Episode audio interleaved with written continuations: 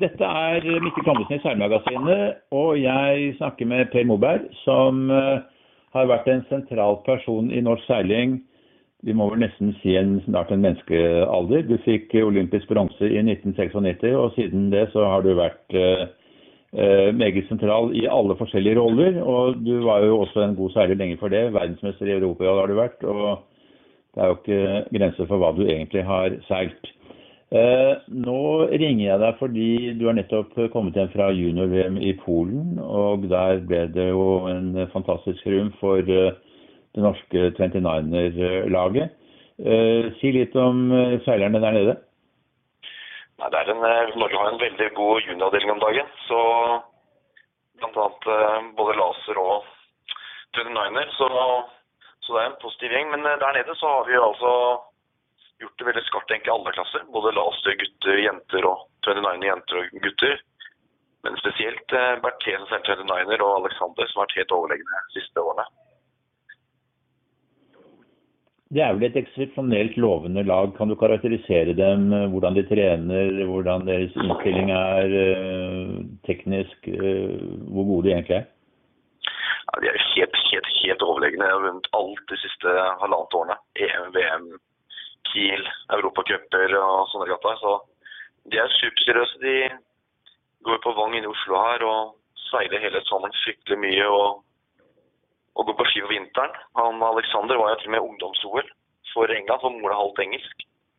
Så det er en superseriøs gjeng, og de eh, er jo helt overlegne på teknikk. Spesielt i vind så er de jo langt, langt, langt foran neste båt i 29-klassen. Så det er utrolig morsomt å se. Men det er jo steinmye trening som ligger bak. Og han, eh, pappaen til eh, Mathias, han eh, han er jo superflink så har vært i OL selv, så han vet jo litt hva som skal gjøres og hva som skal til. Ja, Er det en fordel å komme fra en seilfamilie? Moren også har jo vært i OL i 74.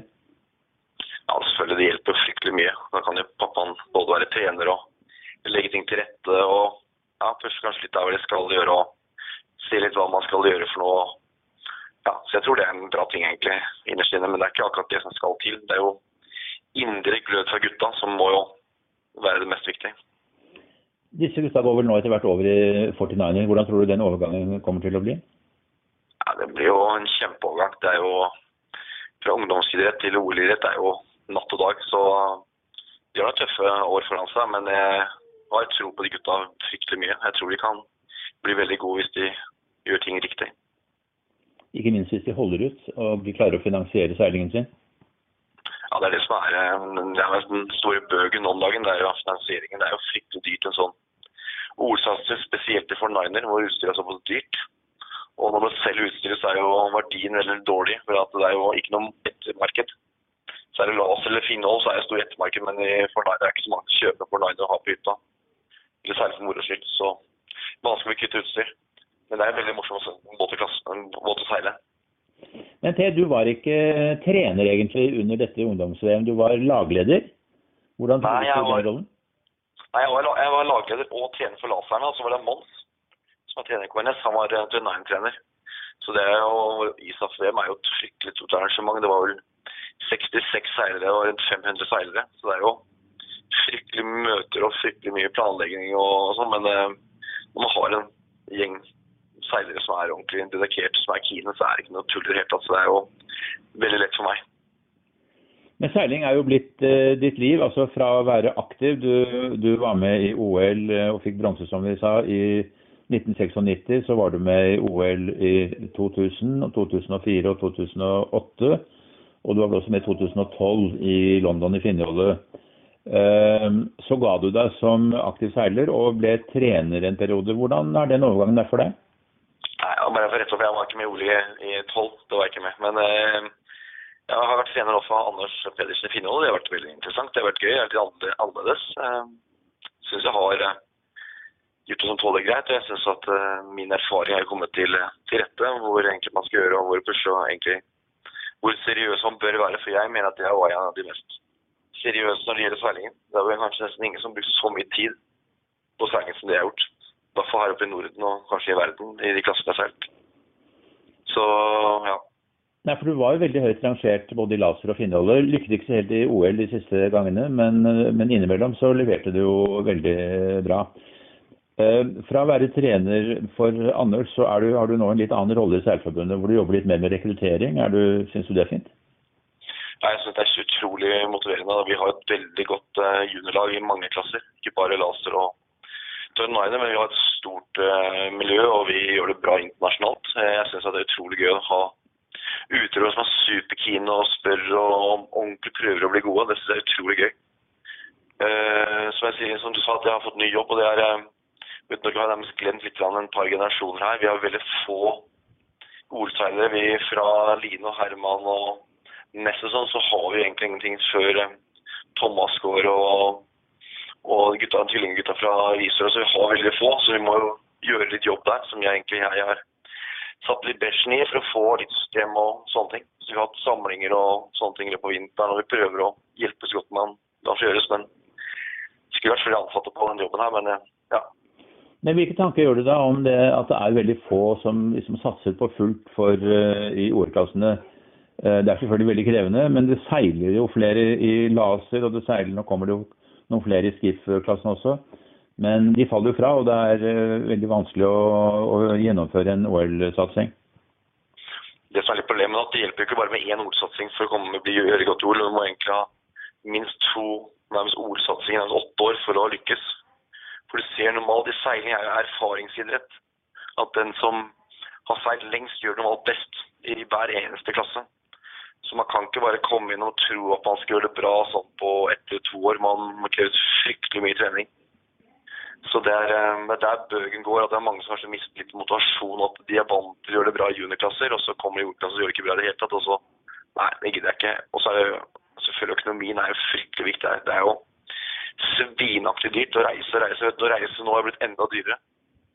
Og gudskjelov nå til 2024, som er etter nå etter OL nå, det er jo i Frankrike, det er litt mer reising i hvert fall. Men sånn som det gjorde i Japan, da er det fryktelig dyrt. Ellers bare sende container og reise er fryktelig krevende økonomisk. Men Båtene må man jo ha uansett. Eh, og kanskje hvis eh, seilingen foregår i Europa, så må man ikke ha så mange båter. Men, eh, men båtene de koster det de koster. Der man eventuelt kan spare inn på, på kostnader, er jo med reising. Og eh, treningsfellesskap med andre nasjoner. Eh, der har jo Norge vært ganske flinke til å komme inn eh, både i Sverige og Danmark, og 49er eh, FX-jentene som nå trener sammen med New Zealand og Brasil. Mm. Nei, jeg holder på akkurat det nå. Vi prøver å lage nå. for Før så har folk vært over alle vinnere på vinteren, men nå har vi samlet egentlig alt. I løpet av denne vinteren så skal vi ha samlinger i Barcelona og Palamas for alle klasser, eh, rekrutteringsklasser. For å holde kostnadene nede og flest mulig skal reise. Og et reise til Barcelona er ganske billig. Og vi bor på en klubb nede på havna der som man kan få mat og man kan bo og alt mulig. Selvfølgelig Barcelona på vinteren er kanskje ikke det beste stedet i verden, både varme og vind, men vi prøver å samle flest mulig. Og siden vi har vært så flinke nå, veldig tidlig ute, så har mange andre nasjoner også lyst til å være med på dette her. Så vi prøver også å prøve å samle, for det er kostnader er viktig. Og tydelig jo flere vi er på sånn samling, jo gøyere er det. Og Norges Særforbund har en historie fra til med Ole Petter begynte i 1988, var at hver gang vi har et lag, så har vi fått medalje. Ole Petter seilte til OL 88, så hadde vi et lag med Klein Dutchman. Da ble det sølv. Da var det fem-seks bål som seilte. Når Linda tok OL-gull i Barcelona, var det masse europaballer. Når jeg tok medalje i 96, så var det fryktelig mange lasere. Når Siren tok medalje, så vi prøver å nærmest tenke litt den der filosofien der at jo flere vi er hjemme, jo bedre blir det internasjonalt. Ja, og det så jo ganske lovende ut eh, da vi hadde fire gode laserseilere for jenter og fire gode gutter for bare for et par år siden.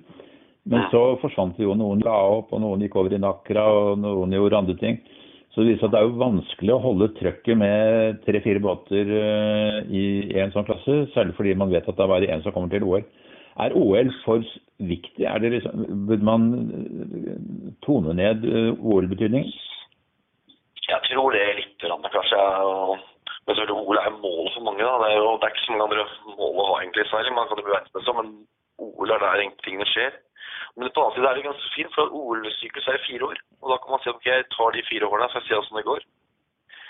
Så OL-greiene du ser internasjonalt, så du nesten alle de beste seilerne som seiler proff, de har vært i OL-klasser. Og det er der nivået er. Så det er mange som seiler proff andre ting, men de er i OL-klasser for å få erfaring.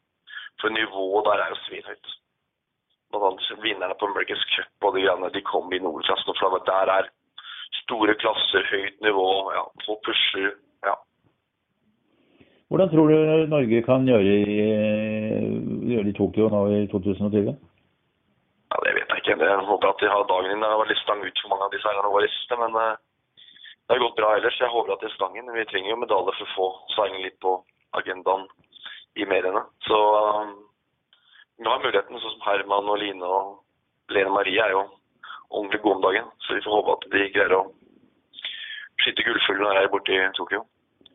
Men jeg er opptatt av dette med kostnader. og eh, Allerede på optimistnivå så er kostnadene ganske store. og Du er jo selv jolleforelder og har hatt barn som har eh, reist rundt og seilt. Kan man kutte ned på kostnadene med mindre reising i Norge? Må man reise til Bergen for å seile norgescup f.eks.? Ja, du må det. Du må reise hele Norge rundt for å vise seiling. Man kan bare i Østlandet. Men det som jeg, jeg er veldig fokusert på økonomi. Veldig, veldig, veldig. En av det kanskje det mest her i Norge. Og, for jeg har jo aldri hatt penger i det hele tatt, så jeg har jo reist mot bodd i bobil og telt og sånn. Men eh, så jeg prøver å få folk til å reise sammen. Bare begynne med der. At ikke alle foreldrene må hver gang. At man bytter på kjøret. Og det tror jeg Nine-klassen har vært veldig flinke til. Å bytte på én foreldre, ta hengeren og folk kjører sammen. Bare der kan det dele kostnader. Vi vet all toppidrett koster noen dagen, dessverre. Så seiling er ikke så innmari dyrt for mange andre idretter. Så, men selvfølgelig vi skal være veldig flinke og veldig eh, fokus på det økonomiske greiene. For at vi ser ordklassene, der måler foreldre med penger. Ellers er det helt dønn umulig. Så... Jeg vet at det er en av de tingene som nye presidenten i Idrettsforbundet, Berit Kjøll er opptatt av, nemlig å senke terskelen for uh, folk å komme inn i toppidrett, enten det er uh, seiling eller alpint eller langrenn eller fotball eller hva det er. Uh, for det er dyrt, som du sier, og til og med fotball er blitt ganske dyrt nå med trenerstøtte og treningsleir i utlandet og alt dette her. Ehm, så man må gjøre noen grep for å, for å, senke kostnadene. og Man kan kanskje lære av andre land. Jeg har vært inne på dette med Frankrike, hvor de har mer klubbbåter og, og det er store regionale miljøer. Det er vel noe. Jeg hørte noe veldig morsomt nå når jeg var i ISAF nå. Så var det et land som hadde fra optimistholdet fra du er nærmest null til du er 13 år, så, seiler er man bare sånne plastoptimister. Og etter 13 år så får du seile vanlige både for at det er billigere båter, lettere å låne og sånne ting. Og det, hørtes, og da var det litt sånn mer laidback hele systemet. Og det sånn plastoptimister. Da blir ikke så jækla seriøst med en gang. Så det var et godt forslag, og da koster båten en brøkdel. Det er akkurat det. Men blir det, for, blir det for seriøst for tidlig, tror du? Det er jo veldig mange som jeg ser som lever gjennom barna sine som kanskje ikke har vært gode selv til å seile, eller uh, som hadde drevet toppidrett, som, som pusher ganske mye. Men på annen side så er, er jo, seilingen er veldig avhengig av foreldrene. Her er et sånn eh, samspill mellom foreldre og barn. Hvis ikke så går det ikke rundt. Hvis sønnen din er, eller datteren din er superkeen, eller foreldrene er superkeen, så hjelper det ikke at én er død. Her er sånn samkjøring. Så jeg sier til foreldre at seiling er veldig god idrett. Hvis du har tenkt å bruke fryktelig mye tid med barna dine, så er seiling det beste. Du kan si at eh, folk ler av meg, andre som ikke seiler. Jeg kjørte jo han sønnen min til Norgescup i Ålesund. Selvfølgelig er det langt og kostbart, men tenkte at shit, hvem er det som sitter nærmest syv-åtte timer eh, tur eller hver vei eh, til Ålesund og snakker sammen med sønnen din i åtte timer? Hva er det som egentlig sitter seg ned og setter seg og prater med barna sine i åtte timer? Det er ikke så mange, så du får utrolig god kontakt med barna. Mm. Det er selvfølgelig et veldig godt poeng. og Man kan jo heller ikke nekte folk å reise på påskeferie til Gardarsjøen, for det er sikkert veldig hyggelig. Men, men, det som man må jobbe med, er jo alternativene. slik at Man må ikke reise til Gardarsjøen for å bli god til å seile optimist. Man må ikke reise rundt omkring i Norge heller. Men, men øh, man må også styrke de regionale tilbudene, så vidt jeg kan se. Og, og da er jeg jo enig i at øh, det må ikke bare være Oslofjorden det gjelder, men det må jo være regioner på Vestlandet og på Nordvestlandet, og ikke minst i Nord-Norge, hvor det også er, eh, eh, det også er eh, slagkraftige regioner med et godt treningstilbud. Er det en jobb som du brenner for? Er det i ditt prosjekt er det viktig? Ja, jeg har jo hatt den jobben i vinter. Jeg har vært egentlig over hele, hele Norge. Ikke over Trondheim, men jeg har vært overalt. egentlig. Og det ser ut som morsomt når det kommet mange nye klubber på, på, på, på vei. Når det kommer Gjøvik har jeg vært med nå. Ransfjorden. Ja, jeg har vært i Molde. Blomstrer egentlig overalt. Ålesund nå begynner det å blomstre litt mer. og det er bare, Jeg tror forbundet er viktig at vi er synlige, som jeg har vært litt rundt og gjort litt til der hvor det lar seg gjøre. og Min tid strekker til. Så, så ser jeg at det er ganske seilivrig hele. Og det som er viktig, så jeg har vært på noen småklubber, er få de inn i miljøet. Så når jeg har vært der på på Vestlandet, små klubber også. så har kommet på pinselærerne, kommet på Norge. Jeg prøver å trekke de seilerne kanskje ikke som har så mye erfaring inn i miljøet, så de blir litt bitt av basillen. Og det har jeg sett, og det er så utrolig morsomt å se at folk har eh, blitt enda mer engasjert, for det har kommet inn i miljøet. For det kommer fra en uh, liten klubb er det vanskelig å stå litt med lue og hånd og ikke kjenner så mange. Det er lett å bli litt skvisa ut når det kommer litt grove foreldre her på, fra, fra Vestlandet. Det er på Østlandet, mener jeg så er vanskelig å komme inn i miljøet. Men jeg har prøvd å hjelpe til å bruke mine kontakter. og og tidligere så har jo jeg hatt en jobb på Norgescupene, spesielt i laser, hatt eh, fellestreninger dagen før. Så folk kan jo bare komme inn og så være med og seile med mange gode. Og da kommer det lett inn i snakk og i miljøet til eh, spesielt laserklassen. Ser du at det er vekst nå i laserklassene? Laser har vært litt stang, for vi er såpass mange. Men det er jo, jeg ser flere klubber kan faktisk komme inn. Og det er det som er mest morsomt for meg. At du ser, du ser flere klubber du ikke har sett seile for mange, mange, mange, mange år. Så, men seilingen, seilingen generelt sett er litt på vei ned, men vi prøver å jobbe med å få, få det opp igjen. EOL er jo nå helt ute, men så er Wasp kommet isteden. Hva tror du om det? Jo, det er sikkert kjempefint båt å bruke siden av, men land. og, og hvis vi skal seile hver, klasse, hver forening seile hver sin klasse, så dør det litt ut. Vi må prøve å bygge noen få plasser, mener jeg.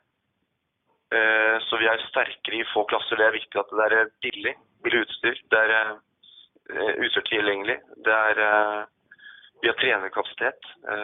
Og så tror jeg faktisk at det er viktig å ha et stort miljø. Så du har alle aldre. Det er litt kjedelig å være 19 år gammel jente og du må reise rundt med en gutt på 13 år, en annen i klubben. Hvis du greier å få mange i klubben på mange aldre, så er det lettere å holde folk i klubbene. Men man kommer nok ikke utenom at foiling er en del av seilsporten, så man må vel da satse på Wasp, skulle jeg tro? Ja, det, er, det, kan godt gjøre det. Det er um, superkult. Det. det er masse foilende klasser, så en sånn foiling er jo veldig morsomt. Men um, som jeg sier at det er lett å, å begynne som klasse, og så kanskje det er vanskelig, så er det litt hardt å komme tilbake og slutte. Men Vast er jo selvfølgelig utrolig morsomt for de som gjør det. Det er jeg helt sikker på. Foiling er fremtiden, men det er mye skader her òg, så jeg skal være litt forsiktig. Jeg vil gjerne at eh, For mitt uh, vedkommende er det ikke viktig å være veldig god når man er 16-17-18 år. Det er når det er 20-25 eller skal til OL eller gjøre sånt, da må man være gode. Så vi trenger mange gode seilere. Ja, og der ligger den store utfordringen, nemlig å holde på 16-17-åringene sånn at de fortsetter til de er 25 og kanskje blomstrer ut uh, og har muligheten til å gjøre en OL-satsing. Det er bare det som er morsomt. Jeg er jo trener i Bunnefjorden, og vi har litt annet opplegg. Vi, folk i min klubb slutter jo ikke. Vi har gjort om litt annet, så vi mange seilerne seiler jo laser tirsdag torsdag, og så har vi egen storbåt eh, som alle lasergutta seiler på onsdagene. Og så har folk begynt å kite. Så folk slutter jo ikke. For eh, folk, er, dette er vennene deres, og det er sånn jeg egentlig håper at flere klubber gjør. At det, eh, man seiler ikke bare din egen klasse, man seiler litt forskjellig. Så de seiler laser, storbåt, kiting. ja, utrolig morsomt. Og det blir utrolig bra sammensveiset gjeng. Og det er kanskje ikke alle som syns det er så kult med laser, men de vet at jeg må seile laser, for da kan jeg være med på de andre tingene også. Hvor mye seiling får du gjort selv, da? Nei, Det er veldig lite. Jeg har jo ikke fritid i det hele tatt. I fjor hadde jeg syv fridager, og i år er det kanskje to uker. Så det blir ikke så mye, men jeg synes det er utrolig gøy å jobbe med de juniorseilerne, og de gir meg ordentlig mye tilbake. Så det er eh, Er alle barna dine like ivrige til å seile som de var? Nei, dessverre så er jo en gutt støp i Gjøvik da, som har slitt litt på seg selv til helgen. Og så har jeg en gutt som spiller hockey, som uh, seiler to-tre ganger i året. Og så han niåringen han seiler litt opp Mistholdet, men han er ikke mest ivrig. Men overalt når han tar det. Men uh, det er jeg ser, um, det er vanskelig å følge opp når du reiser så mye som jeg gjør. Da. Jeg er nesten ikke hjemme i det hele tatt. Så, så ja, vi får ta det senere. Men det er som jeg sier at uh, han spiller hockey, at hvis han slutter hockey i dag, kan han aldri komme tilbake igjen. Men hvis han slutter med seiling i dag, så kan han godt komme tilbake om to-tre år. Det er ikke noe problem for seiling helt annen idrett. Så vi håper at han kanskje slutter med hockeyen og så begynner å satse på seiling. Og jeg tror kanskje at uh, nå har han begynt å kite, og kiting er OL-gren 2024. Så uh, kanskje det kan være noen ting. Og jeg tror kanskje det kitegreiene som har blitt OL-gren i 2024, kan uh, faktisk holde mange i seilingen, faktisk. For det første så er regattaene veldig korte. Det er mellom fire og seks minutter hver regatta. Utstyret er ikke så fryktelig dyrt, det er mye billig reise. Og jeg tror det er litt sånn snowboardsystem. At folk kan seile egentlig ha mer moro. Og det er også foiling og det er, um, det er der tror jeg kommer til å være foiling kommer til å utvikle seg veldig mye på det greiene der. For kiting kommer i OL, da blir det først veldig mye fokus og mye trening. Så vi har jo litt planer der i forbundet hvordan vi skal håndtere det greiene der. For det er litt nytt for oss, for å si det sånn. Hvordan eh, ser du for deg eh, seilsporten fremover på rekrutteringsnivå? Hva, hva, er det som skal til for å øke interessen? Eh, du sier at den er tilbake, eller i hvert fall stagnert. Hva skal til for å øke seilingen? Forholdene i Norge ligger jo ekstremt godt til rette for mye seiling. Jeg tror som han Kristian Bordal, sjefen min i forbundet, han har vært flink. Han har lagd sånn veiledning til optimistholde nybegynnerkurs som har kommet ut nå til alle klubber bare begynn litt der. Så tror jeg også at en, en, en gutt på syv til elleve år kommer ned på klubben, aldri seilt før. Hvis han blir skremt én gang, så er han alltid skremt. Så det er veldig viktig tror jeg, å ha nybegynnerkurs og ikke skremmende unger. Nærmest motsatt. at Hvis man har trening eller gjør et eller annet på klubben på nybegynnernivå, og barna spør selv om mer utfordringer, da har det kommet fryktelig langt. Du kjører til trygge det er altfor ofte man ser på nybegynnerkurs. At man skal begynne å krysse første gangen. For deg og meg så er det som ligger i blodet. Men barn blir skremte, og da ser de aldri igjen. Jeg ser bl.a. på klubber jeg er engasjert i. Hver gang man har gått ut litt for mye vind eller eh, trener ikke erfaren nok, så kommer det ingen tilbake. Så nybegynnerkursen er jo fryktelig viktig. Når mener du at eh, man må begynne å seile? Eh, er jo, foreldre er jo ofte ivrige som du sier, på vegne av barna og har lyst til å få dem i gang så fort som mulig. Men mener du det er fornuftig tid å sette barna om bord i en seilbåt? Det er vanskelig å si, for barn er forskjellig utviklet. Men uh, det er mellom 9 og 13 år, tenker jeg. For du ser de seilerne som ikke har egentlig begynt i ung alder, sliter veldig, veldig i å komme opp på et høyt nivå senere, dessverre. Så man lærer så fort når man er yngre. Men det bare blir båtvant og sånne ting er viktig. Men uh, nybegynnerkurs er alfa og mega, og det er, jeg trenger kanskje enda mer uh, kurs og veiledning til klubber. Hvordan man skal begynne. Er den uh, fordelingen av båter som vi nå ser, med, med optimist, laser med forskjellige rigger, uh, skiff, Finnholdet kanskje, eh, er det, er det en, eh, en, fornuftig progresjon? Jeg mener at Hvis du ser på hele verden, nå tenker jeg på hele verden, hvor vi ikke i Norge skulle sitte oppe opp, opp på berget og gjøre helt motsatt, så tror jeg vi burde seile i klassene som hele verden seiler.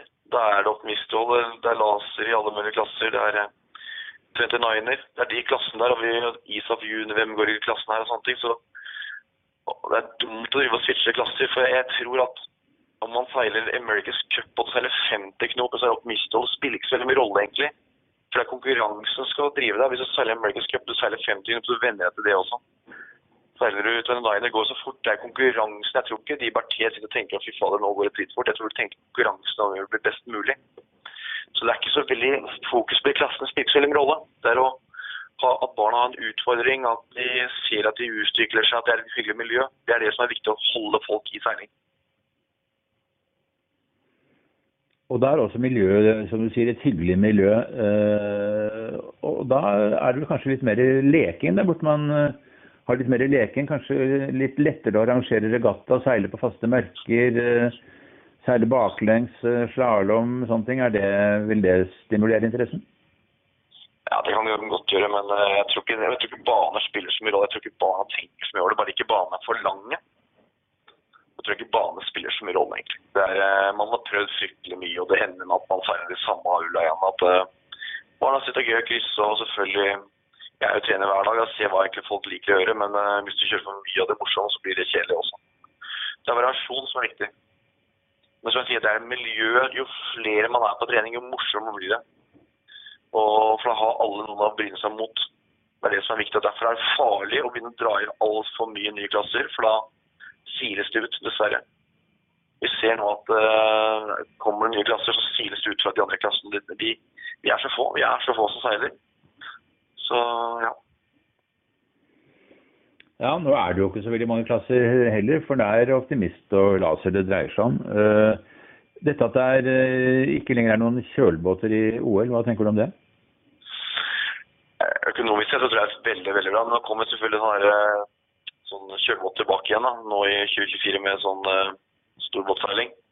Sånn double-handed. Ja. Så det, det, der er enda dyrere, og det har ikke Norge råd til. Så er, da skal man få mye penger hjemmefra.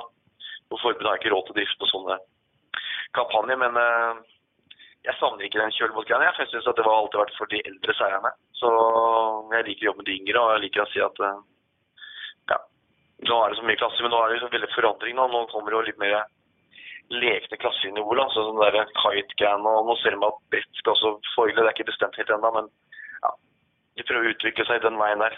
At det blir litt mer morsomt å se på. For han som ikke kan seiling, jeg tror for deg og meg og vi som er i Seil-Norge, vi liker kanskje litt old fashion-klassene litt mer lettere å se på. For vi så i fjor under eh, ISAF-BM i Århus, så var det sånn kite og en prøvegren. Og til og med jeg som kan seile sånn tåler greit, jeg skjønte nesten ikke hva som skjedde, for det gikk jo så vanvittig fort. Det var jo folk overalt. Men ser du på finnål eller ser du på laser, det er lettere å følge med, for du ser hvem som er først, for det blir ikke stor avstand mellom båtene. Men dette at Finjal er ute av OL-programmet, hva mener du om det? Jeg vet ikke. Det var, jeg, jeg, vet ikke helt. Jeg tror det var kanskje på tide å bytte ut. Men problemet er at du har jo ikke noe annen båt for tunge mennesker i, i OL-klassen nå. Det er litt synd. Hva gjør du hvis du veier 95 kilo, eller sånn som Anders sa, 100 kilo, hva gjør du da? Det er jo ingenting. Så det er litt synd, men uh, det er ikke noe jeg kan bruker så mye tid på eller tenke på, for det er en avslutning, eller denne avgjørelsen ikke jeg noe med likevel. Men Finnholdet er jo blant de mest populære klassene med 300 båter i Master Finnholdet-VM. Og plutselig plutselig er det en Finnholdet på Finnholdet-klasse på gang i Norge igjen med eldre seilere som har begynt å seile Finnholdet. Ja, nei, men eh, de gutta lever en helt annen linje enn mastergutta. Det er jo ordentlig De har seilt de, Om de hadde seilt en annen båt, hadde ikke spilt noen rolle. Så mange av de mastergutta er for lette likevel. Så, så det spiller ikke så mye rolle. Det er, eh, men det er en fin båt. Den har vært veldig lenge i Ola. Det er veldig morsom å se på. Den er fysisk krevende, og den har utviklet seg ganske bra. Så kanskje Finnholdeklassen var litt treige, for vi snakket på et møte for mange år siden at kanskje vi burde være så klassen er litt old fashion, at kanskje vi burde være i bresjen for å utvikle nye banetyper og sånn, men klassen var ikke innstilt på å gjøre det da. Så må også skjedde nå. Ditt eget eh, seilerliv, da, Per, hvordan vil du karakterisere det? Eh, du har hatt litt eh, opp- og nedturer, som vi var innom. Men, men, du har jo hatt mye morsom seiling og mye gode plasseringer opp igjennom? Nei, jeg har jo jeg har vært ordentlig engasjert. Jeg har jo gitt klampen i bånn siden jeg var sånn 17-18 år. og Jeg mener at jeg har gjort det ganske bra når jeg ser nå at man har vunnet så mange worldcuper og fått medalje OL og sånne ting, og gjort det veldig bra hele tiden. Så jeg er egentlig ganske happy med min karriere. Men som jeg sier til, eh, til unge seilere, at det er ikke det går ikke an å gjemme deg opp bak en stol her. Her må du ordentlig vise deg frem, og du må prøve å vende hver eneste stein på stranda for å finne de smutthullene for å komme gjennom. For det er fryktelig høyt nivå. Det er eh, Jeg tror ikke mannen i gata her i Norge skjønner hvor høyt nivå det er på seil. Det er eh, Ja, det er, det er utrolig høyt nivå. Se på han Robert Schweit, som er en legende av vel han som har vunnet mest medaljer i OL i seiling. Og han hadde vi på påskesamling på Gardermoen som uh, foredragsholder. og Han forteller egentlig hvor høyt nivået har blitt de siste årene, og hva som har forandret seg med seilingen siden han og jeg seilte mot hverandre i 96 til nå. Så det er uh, ja, Folk bruker frykt. Alle er proffe. Det er ingen som jobber ved siden av. Jeg jobbet jo ved siden av alle mine OL-satsinger, men nå er det jo ingen som gjør det helt tatt. Alle er klamp i bånn, og folk er bedre trent. og bedre treningsapparater og treningsstøtteapparater og mer økonomi og sånne ting. Så det er um, blitt forandring. Det er jo interessant at eh, da du fikk bronse i OL, så var det jo nettopp mot Robert Scheidt og uh, Ben Elsley, som jo er liksom de store legendene i internasjonal seiling siden. Mm. Ben Elsley er den som har vunnet flest olympiske gullmedaljer, og Scheidt, som du sier, har vunnet uh, veldig mange medaljer og er fremdeles tilbake i LAS. Hva sier det? Ja, Det er helt rått, egentlig. Jeg ser det er faktisk mange av de som var i OL i 96 som er fryktelig god. Han Negri han uh, er jo en av verdens beste startbåtselgere. Han uh, Bruni han selger America's Cup. ja. Amish Pepper som selger proff. Det, er en generasjon av våre mange, gode selgere. Så ja, Der har du jo din egen konkurrent Eivind Melleby, som dere var jo temmelig jevne før OL i 96, og nå er jo Eivind i full fart i start. Ja, altså, så generasjonen var jo bra. Men ja, det er Men min mener karriere, jeg har egentlig vært superhappy. Men jeg, jeg syns jeg brukte fryktelig mye tid. Fryktelig, fryktelig, fryktelig mye tid. Så, men jeg hadde jo foreldre som støttet opp, og fatter'n kjørte rundt, og jeg hadde søster som var ung et par ganger. en gang. Så. så jeg har vært en sånn særfamilie hele tiden. Men eh, som jeg prøver å si til andre barn, spiller ingen rolle hva du gjør, men du må bare bli best, så greier du å overleve på det. Ja, og det er ikke så veldig lett. Det er vel egentlig ingen norske seilere som klarer å leve av seiling i dag? Nei, det gjør ikke det. Dessverre. Dessverre. Men eh, jeg tror kanskje seilingen må finne ut noen nye sponsorveier og sånne ting. Så det er kanskje mange av de Stikk til de seilerne som har litt penger, som har gjort det bra selv, kanskje vært flinkere å sponse ned. Jeg, så, jeg ser mange seilere som på 70-80-tallet spurte sponsorer, jobba ræva seg for penger, og som har tjent gode penger, så gidder ikke støtte seilingen i det hele tatt. Det stusser jeg litt på. Jeg syns at folk som har vært eh, flinke og tjent penger, de skal ha all ære av det, og sånn, men når du ser at du tenker litt tilbake til din egen karriere, at shit, jeg sleit noe jævlig på 70-80-tallet. Jeg spurte kjøpmannen om å få penger og sånne ting, og nå sitter gutta og tjener penger, og så er de ikke villige til å betale eller sponse noen ting. Det stusser jeg litt på. Mm. Um, det er veldig interessant å snakke med deg, Per. Du jo, kjenner jo seilsporten fra alle sider, og er jo kjent uh, som å være uh, en av seilsportens aller største entusiaster, vil jeg si. Uh, vi får håpe at du fortsetter med seiling, om ikke du får seilt så mye selv. At du fortsetter ditt engasjement for å hjelpe unge seilere videre for å styre seilsporten i riktig retning. Og eh, vi får håpe at eh, det arbeidet du holder på med gir eh, gode resultater. Hva er ditt neste, er ditt neste engasjement nå? Nei, nå er det jo Neste helg nå så er det nordisk mesterskap for uh, mistholde eh, laserklassene på Fjerholmen. Det er det nå. Og så er det jo en NM-helg i KNS. Og så reiser jeg til uh, Polen med Laser Radialjentene og standard eh, ungdomslaget til eh, EM i Polen. Så det er det som står nå fremover. Så det er ikke så mye hviletid. Men eh, særlig er jeg ivrig. Morsomt i går. Jeg kjørte jo båt eh, hjem fra Tønsberg i går. Da så jeg en Uffe Thomasgaard som var og trente steinhardt sammen med broren sin. Så det er bare morsomt å si at folk gjør trening uten å bli spurt engang. Det syns jeg er utrolig godt å varme et hjerte, seilhjerte, skikkelig. De to norske laserseilerne, eh, eh, Herman Thomasgaard og Line Flemhaus, har jo gjort det så veldig bra nå i VM. Eh, det har gått litt opp og ned, kanskje mest ned da, for, mot slutten av regattaene. Hvordan tolker du det? Nei, vet du, Det er steinhardt nivå. Det, det skal ikke mye feilskjær til før det går dårlig. Men vi håper at det går motsatt da, i OL. Så vi får håpe det. Men ja, det er, det er fryktelig mange bein. Så det, er, det kan gå opp og ned. og Toppidrett er sånn dessverre. Spesielt i seilingen når man har eh, andre faktorer enn bare deg selv. Så nei, vi får håpe at det kliner til. Mm. Jeg ønsker deg lykke til videre i arbeidet, Per, og håper at du fortsetter med ditt eh, engasjement innenfor seilsporten. Vi trenger det. Eh, takk for praten. I like måte. Ha det bra. Ha det bra. Hei.